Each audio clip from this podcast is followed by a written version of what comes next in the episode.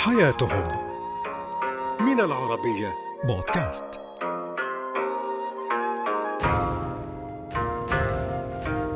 مرحبا. أنا رفيدة ياسين وهذه هي حياتهم على العربية بودكاست.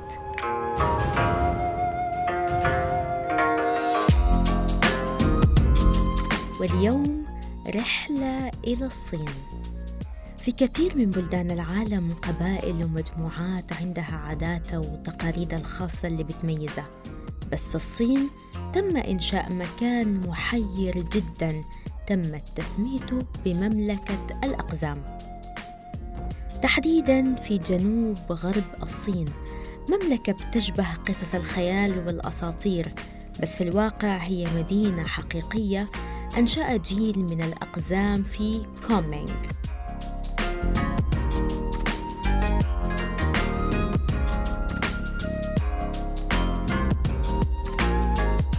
بيشعر السائح العادي اللي بيزور المملكة إنه رجل عملاق دخل عالم من القصص الخرافية.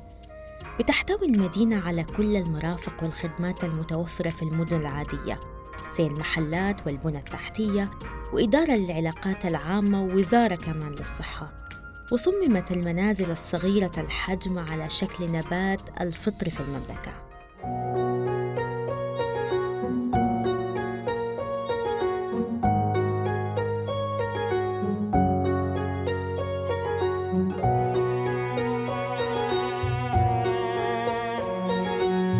المكان هو عبارة عن مملكة صغيرة. تم تنصيب ملك قزم فيها عنده حراس أقزام بيسهروا على أمنه وعلى أمن المدينة.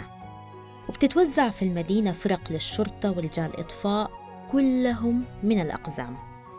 ولإعطاء المدينة طابع الخيال والأساطير بيحرص أهالي مدينة الأقزام على ارتداء ملابس أبطال القصص الأسطورية الشهيرة العالمية.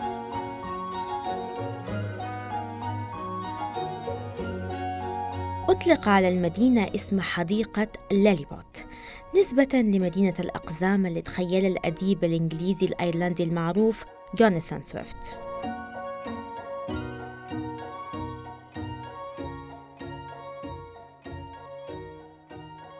بيزعم سكان المملكة الأقزام إنه فكرة إنشاء سبب وقف التمييز والتنمر اللي بيلاقوه في حياتهم اليومية من قبل الأشخاص العاديين أو العمالقة زي ما هم بيسموهم.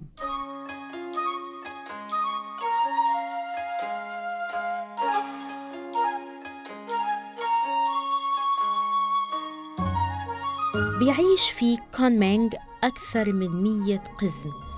بيشتغل معظمهم في المجال الترفيهي زي الرقص والغناء وعمل عروض استعراضية للسياح.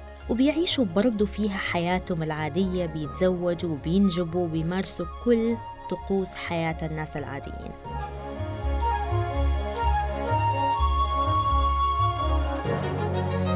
بيحرص الملك القزم على حضور جميع العروض الترفيهية اللي بتقدم للسياح وبيصافح الجماهير الزائرة ترحيبا بهم لزيارتهم المملكة.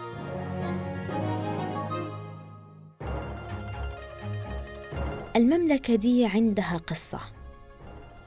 بدأت بأنه هوانغ شوي جينغ قزم توقف جسمه عن النمو بعد إصابة عموده الفقري وهو عمره 8 سنوات تقريباً وطوله 130 سنتيمتر فقط يعني أقل من أربعة أقدام تقريباً.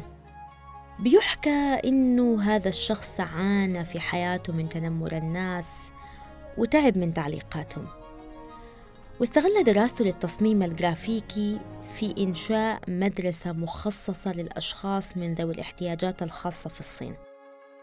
بعد كده قرر إنه يستغل موهبته في ممارسة فنون الرقص والغناء للسياح بإنشاء مملكة صغيرة سماها مملكة الأقزام.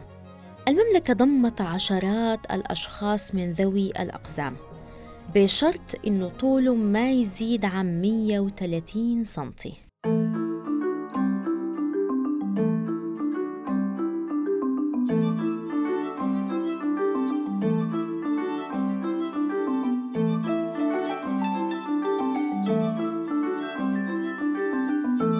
مملكة الأقزام أصبحت ذائعة الصيت واكتسبت شهرة كبيرة جذبت لها عدد كبير جدا من السياح.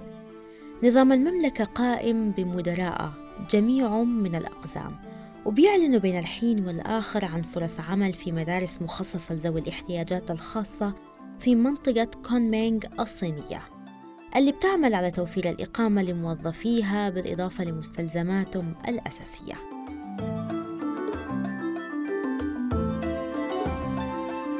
مملكة الأقزام تأسست في سنة 2009 ولاقت انتقادات كثيرة من مجموعات اعتبرتها مكان سيء جدا بسبب الاستغلال المسيء للأشخاص قصيري القامة. وسلطت مجموعة لدعم قصيري القامة في الولايات المتحدة الأمريكية Little People of America الضوء على أن الآراء بتختلف حيال ما إذا كان قصر القامة أصلاً بيعتبر إعاقة أو لا. بعد ثلاث سنوات ونصف تقريباً من تأسيس المملكة اختار جينغ إنه يعمل بشكل مستقل في كومينغ لأن الحياة في المملكة معزولة تماماً وأصابت البعض بالاكتئاب. وقرر مؤسس المملكة إنه ينأى بنفسه وعمل شغله الخاص وأصبح يعمل كمغني لموسيقى الروك في الحانات وحفلات الزفاف. وبتراوح راتبه تقريبا بين 740 دولار و3 ألف دولار شهرياً.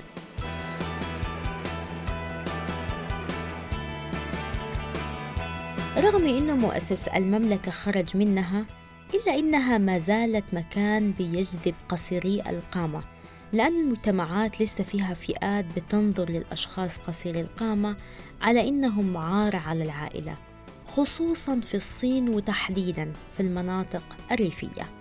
وبسبب التنمر والتقليل من شأنهم أصبح عدد ما قليل بيتجه ويفضل الحياة في مملكة الأقزام. وبعض سكانه بيقولوا إنه العالم الخارجي بينظر ليهم على إنهم وحوش. عشان كده هم بيفضلوا حياتهم المعزولة في المملكة. لأنه الناس بيجوا لحد عندهم ويزوروهم عشان يشوفوا عروضهم الترفيهية اللي بيشعروا فيها بإنه عندهم قيمة وإنهم بيقدموا حاجة بتجذب الناس. بعض الأقزام رفضوا الخروج إلى العالم الخارجي اللي بينظر ليهم بعين السخرية والبعض الآخر اتحدى نفسه ودور على فرص حياة في الخارج بس بتظل الشكوى الدائمة بأن المشاكل بتطاردهم في أي مكان. عشان كده مملكة الأقزام بتبقى عالم خاص بيجذب عشرات الأقزام وألاف السياح اللي بيجوا يتفرجوا على المكان ده على إنه مكان ترفيهي. سواء اختلف البعض أو اتفق حول إقامة هذه المملكة إلا إنها أصبحت مكان مميز عنده خصوصيته بالنسبة لعدد كبير جدا من الاقزام ببساطة لأن هذه هي حياتهم.